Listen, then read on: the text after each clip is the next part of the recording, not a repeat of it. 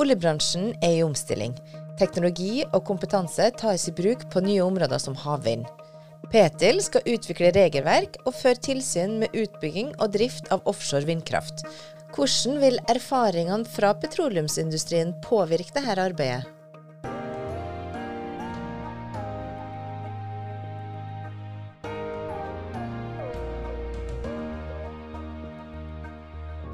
Her i Petil har vi unik kompetanse og erfaring med både regulering og tilsyn med offshorevirksomhet.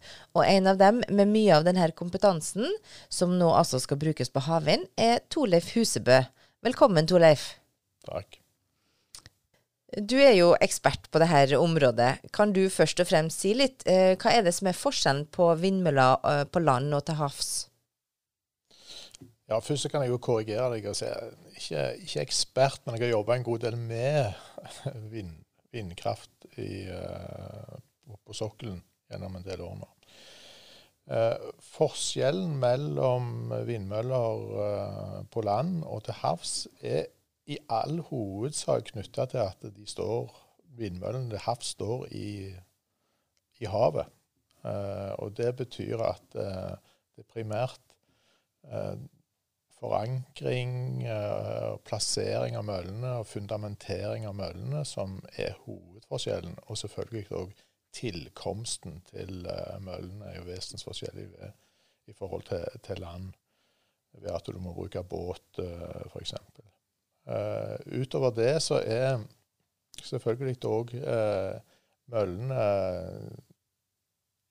utforma på en måte som gjør de i stand til å operere i et maritimt miljø. Men generelt så er komponentene de samme i, i møllene og i, i tårnet. Så det er ikke noen sånne prinsipielle forskjeller utover plasseringen, egentlig. Nei. Og vindmøller på land har vi jo hatt i Norge òg en god stund. Um, hva slags havvindsprosjekter finnes det på norsk uh, sokkel?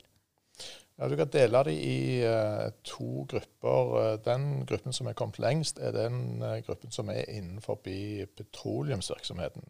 Og Der har vi et uh, konkret prosjekt som er Hywind Tampen, der Equinor og partnerskapet jobber med å utvikle en vindfarm bestående av elleve vindmøller som skal forsyne petroleumsinnretninger på Tampen-området med, med, vindkraft, eller elektrisk kraft da, fra, fra disse vindmøllene.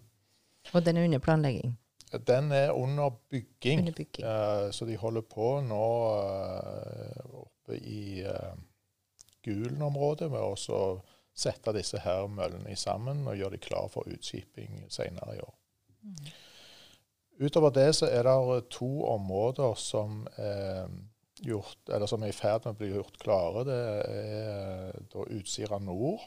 Det er et område som er tiltenkt flytende vindmøller det er snaut 260 meter dyp der, så det er egnet for, eh, for flytende vind. Og så er det Sørlige Nordsjø 2, som ligger ned mot eh, danskegrensen og nær mot den britiske grensen òg, altså på kontinentalsokkelen, som eh, vil bli bygd ut, eller planlagt bygd ut med bunnfast vind. Der er det ca. 60 meter vanndyp. Disse to områdene er da i ferd med Eller de er en prosess der, eh, der en etter hvert kan søke om, om konsesjon for, for, utbygging av disse her møllene. Det er en prosess som nå er i, i planleggingsfasen, der, eh, der forhåpentligvis ikke om altfor lenge kommer, kom, uh, tydeligere uh, forventninger til utlysninger på disse to områdene. Mm. Er det Equinor som står bakom alle utbygginger nå? Nei, det her, eh, de to siste, Utsira nord og Sørlige Nordsjø 2, det er jo eh, eh, områder som det er mange interessenter som har meldt sin interesse. Og det er forskjellige selskaper. Det kan være eh, selskaper som Equinor. Det er andre eh, selskaper, konstellasjoner av, eller konsortier som består av flere forskjellige selskaper. Norske, utenlandske, som har meldt sin interesse. Eh, i forhold til å bygge ut disse områdene. Ja. Men Highwind Tampen det er et annet type prosjekt enn de to du nevner her, altså Utsira nord og Sørlig Nordsjø 2? Det er to forskjellige ting. Highwind Tampen det er en egentlig en petroleumsutbygging. Ja. Den blir regulert under petroleumsloven. Uh, og der er det Equinor og partnerskapet som står for denne utbyggingen. Så har de uh, fått uh, støtte fra Enova for å bygge det ut, dette her.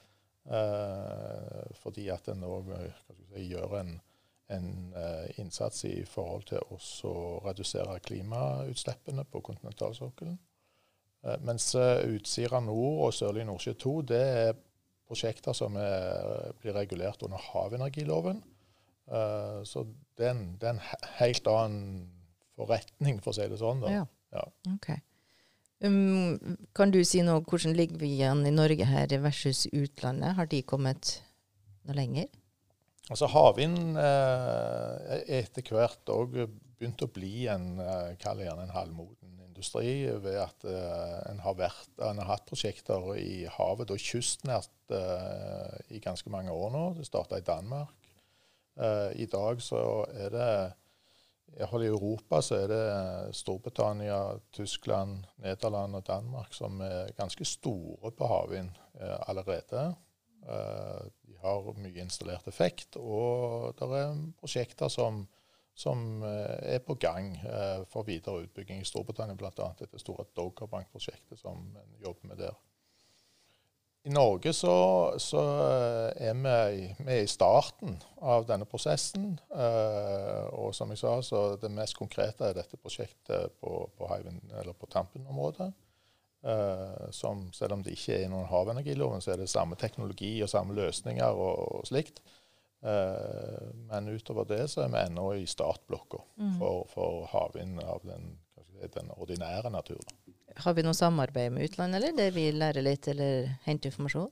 Vi har, uh, hatt, vi har, et godt samarbeid med andre utenlandske myndigheter. og det er sånn at det i stor grad, uh, både i Europa og i uh, andre land som vi samarbeider med innenfor petroleumsvirksomheten, så er det òg petroleumsmyndighetene for sikkerhet og arbeidsmiljø, som har blitt eh, sikkerhetsmyndighet eh, for fornybar energiproduksjon til havs, eller havvind, som det i stor grad dreier seg om.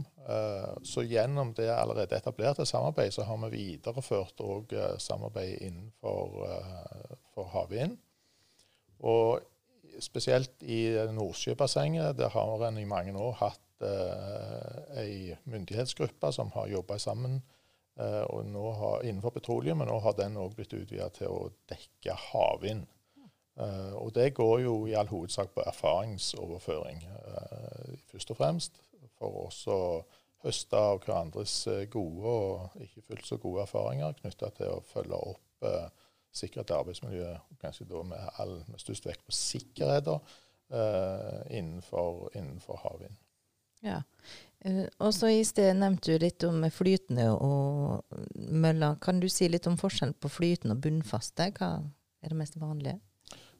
Det aller mest vanlige i dag, eh, og som totalt dominerer, det er bunnfast havvind. Dvs. Si at de er fundamentert fast i bunn. Og Det er en teknologi som, som eh, egner seg opp til et vanndyp på noe over 60 meter, er vel det omtrent der den ligger i dag. Eh, og på dypere vann så begynner en eh, å måtte gå inn på flytende teknologi. Eh, og der er der, Den første vindmølle, flytende vindmølla kom i Norge i 2009. Eh, Hywind Demo, som ligger òg utenfor eh, Karmøy. Og den, den teknologien der hadde blitt utvikla til et annet prosjekt som Equinor har, som er Hywind Skottland, som Eh, var den største større flytende vindfarmen. Mens eh, nå etter hvert så, så er det eh, flere konsepter som er på gang eh, rundt omkring for å utvikle flytende havvind. Det er mer sånne test- og demoprosjekter som, som, er i drift nå. Men det er en god del som jobber med, med utvikling av større vindparker. Hywind Tampen blir òg en flytende vindpark. Så, så markedet, eller situasjonen i dag det er slik at det er bunnfast havvind som dominerer, og at uh, flytende havvind er uh, mer i startgropa sånn sett, selv om teknologien har vært der i en, i en, del år. Og så er det slik at Hvis du ser på uh, de potensielle områdene for utbygging eh, av havvind, så, så, er det store områder som kun er egnet for flytende, flytende, produksjon. Så forventningen er at flytende produksjon blir mer konkurransedyktig på sikt, eh, sammenlignet med bunnfast havvind, som, mm. som, i dag er vesentlig billigere å bygge ut. Ja. Uh, og det her er jo en uh, industri offshore. Hva er det som er likt eller eventuelt ulikt med petroleumsindustrien? Ja, det, det er jo et, uh, et, stort spørsmål, egentlig. da. Det, som du sa, så er både petroleumsvirksomheten og, og havvind eller fornybar energiproduksjon til havs det vi kaller for industrivirksomhet til havs. Det er, der er en del likheter, bl.a at de er til havs. det er jo naturlig nok likt. Eh, teknologi, Det er en del teknologi som er sammenlignbar, eh, og så er det veldig mye som er forskjellig. Uh, arbeidstakerne de vil oppleve en del av de samme forholdene. Altså, du, er, du er i et maritimt miljø. Eh, du blir frakta ut med et fartøy i første omgang, i hvert fall. Eh, og etter hvert nå som effekten av disse vindmøllene som, som, blir installert, blir stadig større, så blir det veldig store konstruksjoner. Sånn at de, de, du jobber i et miljø med, med, i store dimensjoner, for å si det sånn. Enten du er på petroleum eller om du er på, på havvind. Så er det mange, for, mange forskjeller òg, da. I, i, uh, den viktigste forskjellen er jo at du, du har ikke er på ei vindmølle, så har du, så har du ikke eh, petroleum under trykk, altså store energimengder eh, under trykk. Eh, du har rotasjonsenergien fra vinden som konverteres til elektrisk energi, så du jobber med energi, men det er en, en forskjellig energi. og si, Kontrollelementet og, og risikoelementene er vesensforskjellige. Mm. Så, så det, der som kanskje den, den der prinsipielle forskjellen er størst, er på, på risikoforholdene. Ja, for vi må litt inn på det her med, med risiko. Hva er risikobildet til denne type energiproduksjon? Altså, den, den, store forskjellen er at du i prinsippet kan si at uh, innenfor uh, havvind så er storulykkesrisikoen marginal. Du kan, det har vært ulykker, ikke på havet, da, men i, på land der du har hatt eh, hendelser på vindmøller som har medført at du har du har mista mer enn ett liv på, på en gang. Eh, de er ytterst sjeldne. Eh, og så er det nettopp dette her som vi er inne på, at du, du har ikke du har ikke denne her uh, petroleumsproduktet som, i store kvanta som kan lekke ut og antenne og, og skape et inferno. Det har du ikke. Mm. Så det er egentlig hovedforskjellen. Så risikoelementene innenfor havvind er i veldig stor grad knytta til, til individrisiko i forbindelse med gjennomføring av arbeid. Og det en ser på historiske data fra havvindbransjen, det er jo at det, eh, er gjerne uhell knytta til eh, løfting av utstyr, til transport av, eh, og transisjon mellom fartøy og møller, som, som, utgjør en stor del av av hendelsene som skjer da. Mm. Så er det slik at en del av disse hendelsene har jo de samme karaktertrekkene. altså En, en fallende gjenstand er i prinsippet det samme om det skjer på en, en vindmølle eller om det skjer på en petroleumsinnretning. Arbeid i høyden er det samme, selv om du jobber med, kanskje med forskjellige ting osv. Så, videre. så det er en god del sånne synergier da, i forhold til til ulike typer, da, men risikoforholdene er vesensforskjellige. Mm. Kan du si litt om risiko i installasjonsfasen? Ja, altså De mest alvorlige ulykkene, iallfall en del av de innenfor havvind, har skjedd under installasjonsfasen. og Det er jo at du har, eh, du har eh, stor maritim aktivitet, fartøyer eller eh, nærmest sånne løfteplattform, løfteinnretninger som brukes. Eh, og du har eh, store energier som brukes for å flytte dette utstyret på plass. Og at du, da har, du har hatt alvorlige hendelser eh, som har oppstått i den situasjonen. Så det er jo kanskje slik at en, en relativt stor andel av, av, hendelsene skjer i akkurat denne installasjonsfasen. Eh, når, en, når en konstruerer parkene eller plasserer disse enkeltkomponentene ute, ute i havet. Da vil det være litt samme med vedlikehold òg, når det kommer sånn at det skal vedlikeholdes og folk må ut og jo, men det, det, er på mange måter en litt enklere fase, fordi at da har du ikke denne her uh, energien som du skal um, håndtere på samme måte. Du skal riktignok uh, endre denne vindmølla fra stort sett et fartøy. Uh, det er jo helt klart en, en situasjon som er forbundet med, med, risiko. Men så må en òg huske på det at det er relativt markante værbegrensninger når en opererer på ei, vindmølle, altså med bølgehøyde og vind osv., som, som gjør at du, du, du, går ikke ut i all slags vær, for å si det sånn. Sånn at du har en kontroll på den sida der. Og så er det jo slik at vindmølla stoppes normalt sett når en er om bord. Altså du stopper rotoren, og den sviver, så du, du, fjerner en god del energi, eh, potensiell energi som kan skade folk på den måten. Uh, og, men, men, det er jo klart at du skal, du skal, opp i høyden. Det er nok en del trange passasjer, selv om de store, store møllene som, jeg, som en jobber med nå, er, har relativt romslig med plass.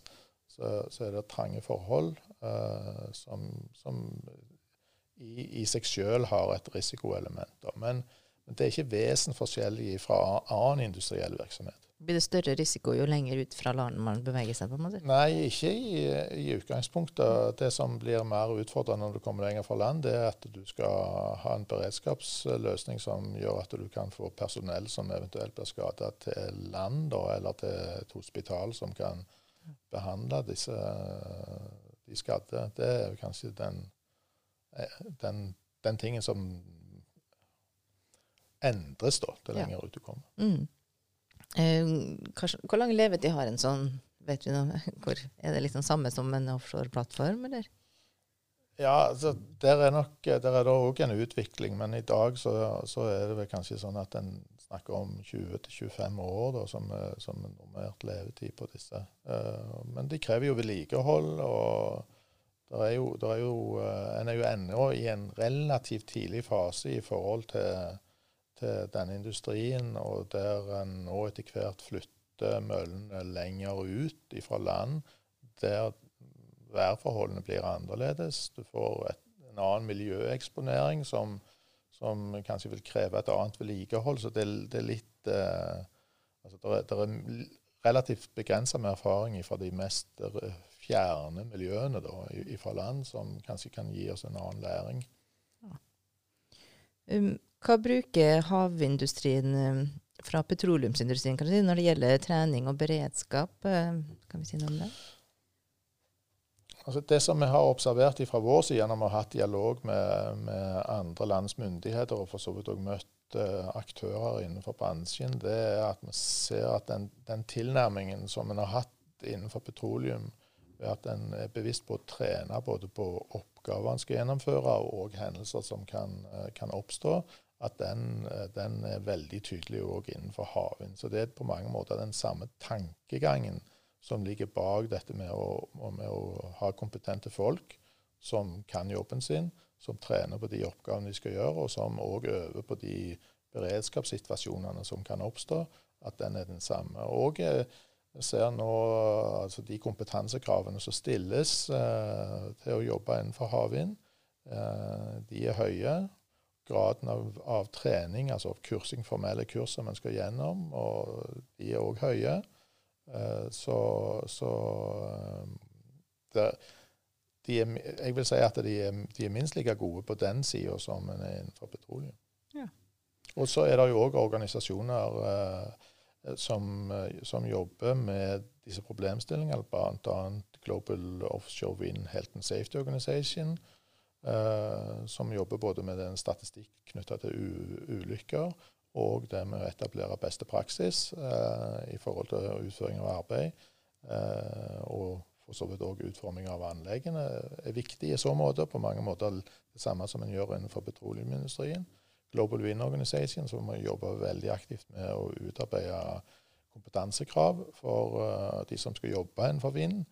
Ikke bare offshore, men også på land, som, som uh, en ser nå etter hvert har på mange måter blitt en sånn de facto standard for, for uh, kompetansekrav innenfor, offshore, eller innenfor vind, på lik linje med at du har samme type kompetansekrav for å jobbe innenfor petroleum. Ja. Um, og hva slags hensyn må vi ta med tanke på miljøet, fiske, båttrafikk, litt sånne ting? Altså, i, Vi har jo et begrep som heter sameksistens, som på mange måter skal prøve å fange opp disse forskjellige aktivitetene. For det er klart at eh, hav i det tilfellet her, det er jo en arena for mange aktiviteter. Både industrielle aktiviteter, du har petroleum, mm. eh, du har fiskeri, eh, du har skipsfart, og du har forsvar.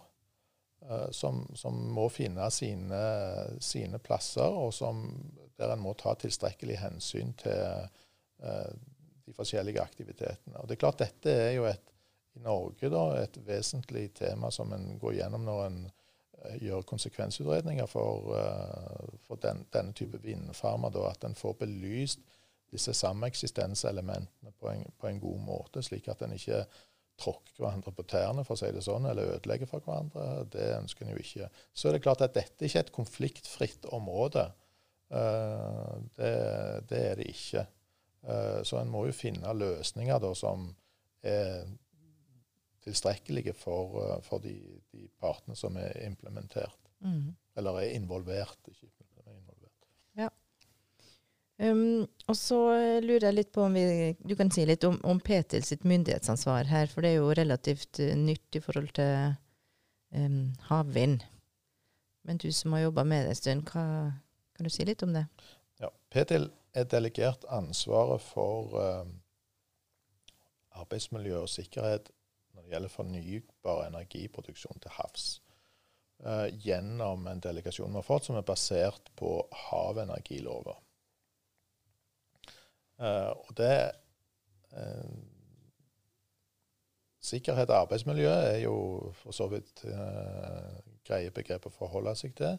Med, med arbeidsmiljø er for så vidt kanskje det, det, enkleste i så måte. Når det gjelder sikkerhet, så, så snakker vi her i, i, i, prinsippet om sikkerhet som er knytta til, til ulykkeshendelser. Det er det vi egentlig snakker om, og, og sikkerhet i forhold til til de eh, andre næringene som er i området. Det være seg eh, f.eks. petroleumssikkerhet knytta til hva skjer hvis ei flytende vindmølle sliter seg mm. og drar av gårde. Hva konsekvenser vil det ha? Så det, det er sikkerhetsaspektet. Og Så har du sikkerhet knytta til energiforsyningen. Det ligger utenfor vårt mandat. Ja. Det at en har en pålitelig energiforsyning fra disse vindmøllene, det ligger utenfor vårt mandat. Når det gjelder havenergiloven, når det gjelder de vindmøllene som kommer inn under petroleumsloven, så, så omfatter òg det vårt ansvar, det som går på energibiten av det. Ja. Hvordan ser vi for oss at vi vil føre tilsyn med det her, da? Nei, men Nå er vi jo i en prosess der vi jobber med å få etablert et regelverk eh, sammen med partene. Eh, og så vil det jo òg i det arbeidet der følge at en jobber med, med tilsyn eh, og tilsynsmodell. da. Det vi ser av det som skjer i andre land, f.eks. i Storbritannia, så er det jo veldig mye den samme tilnærmingen som vi har hatt innenfor petroleum. At en jobber systematisk på mange fronter i dialog med partene, i dialog med næringsaktørene. Og at en fører tilsyn som baserer seg både på måten en styrer virksomheten på, og måten en gjennomfører aktivitetene på. Uh, ved besøk uh, og inspeksjoner og, og møter og de, de, tingene som en eh, normalt sett gjør innenfor en, tilsynsetat. Så det er ikke noen sånne prinsipielle forhold og prinsipielle forskjeller der. Det er klart at eh, tilsynet skal være risikobasert, så en må jo tilpasse det da tilsynsmengden og tilsynsomfanget til den risikoen som er relevant for den eksplisitte næringen. Hvem er det som er med å lage dette regelverket? Det er ikke bare Petil? Nei, altså Petil, eh, vi står jo for Det er vi som har fått denne delegasjonen og som jobber med dette her. Men det, arbeidet skjer uh, i samråd med Regelverksforum. Og der er det slik at selv om dette her blir et eget regelverk som i, stor grad vil være basert på det som allerede finnes på, på land for tilsvarende virksomhet, så er det slik at de partene som er med i Regelverksforum, som er en trepartsarena, de har òg fatta interesse for havvind. så den uh, dialogen vi har med, med, partene i forbindelse med dette regelverksarbeidet, den skjer da gjennom Regelverksforum. Og så har vi òg uh, dialog med andre etater som, uh, og myndigheter som er relevante innenfor havvind. Bl.a. OED, som er en viktig rolle. NVE har en viktig rolle. Har, og, og, og Sjøfartsdirektoratet, Kystverket har viktige roller, så vi jobber sammen med de òg, slik at vi får en, en samstemmighet knytta til denne regelverksutformingen. Og selvfølgelig òg eh, de aktørene som er innenfor bransjen. Ja. Hva ser Petil for seg fremover nå med tanke på havvind? Blir det en stor del av vår aktivitet, eller har vi noen tanker? Når du ser, ser fremover, så er det jo alltid et tidselement oppi dette her. Og, og eh, det første er jo at havvindindustrien en, uh, Når vi snakker om den delen av den fornybare industrien Du kan jo tenke deg at du får andre ting òg, men, men som begrenses til havvind. Så det, det, er klart, det er en annen industri enn petroleumsvirksomheten. Eh, og det er et helt annet risikobilde. sånn at eh, det, I det så ligger det jo en del ting at en, en, da den virksomheten som Ptil gjennomfører, til virksomheten. Det er jo det første. Det andre er at, eh, er at disse prosessene de eh, tar tid. Nå har regjeringen eh, som ambisjon at disse Utsira Nord, Sørlige Nordsjø 2, at de, skal, de første skal komme i drift før 2030. Så det betyr jo at det vil ta noen år før de store parkene kommer på, opp gå. Men det er viktige prosesser som skjer framover nå. Eh, med, med, både med tanke på for vår del å utvikle dette regelverket, som blir et godt regelverk som er godt tilegnet, eller som er godt egnet for bransjen, og samtidig ivaretar sikkerhets- og arbeidsmiljøet på det nivået som en, som en eh, fra samfunnets side ønsker. Uh, og så er det disse søknadsprosessene som skal gå, som uh, det er viktig at uh, vi, uh, er en deltaker i, og får gjort de vurderingene som er, som er nødvendige. Uh, men, men det, det, det, er begrenset aktivitet frem til du får disse her eh, vindparkene i, i, i, driften, eh, naturlig nok. Så har du jo det andre aspektet, som er disse vindparkene nå med Hywind Tampen innenfor petroleumsvirksomheten. Og der er, der er vi i gang med si, ordinær virksomhet. med at Nå er de i en konstruksjonsfase. og vi har møter med dem, og vi har vært igjennom disse søknadsprosessene. Så det faller inn under, uh, under den, den, ordinære driften. Men det er klart, igjen, så, så er jo der òg en tilpasser jo, uh, tilpasser jo det tilsynsbehovet til risikobildet i virksomheten, mm. som, er, som, er, lavere. Og, ja. Og det er jo et pluss. Ja. ja. Kjempeflott. Da sier jeg tusen takk for at du kom og tok en prat med oss i dag. Og dersom du har lyst til å vite litt mer om hva som skjer videre rundt havvind, så finner du det på petil.no.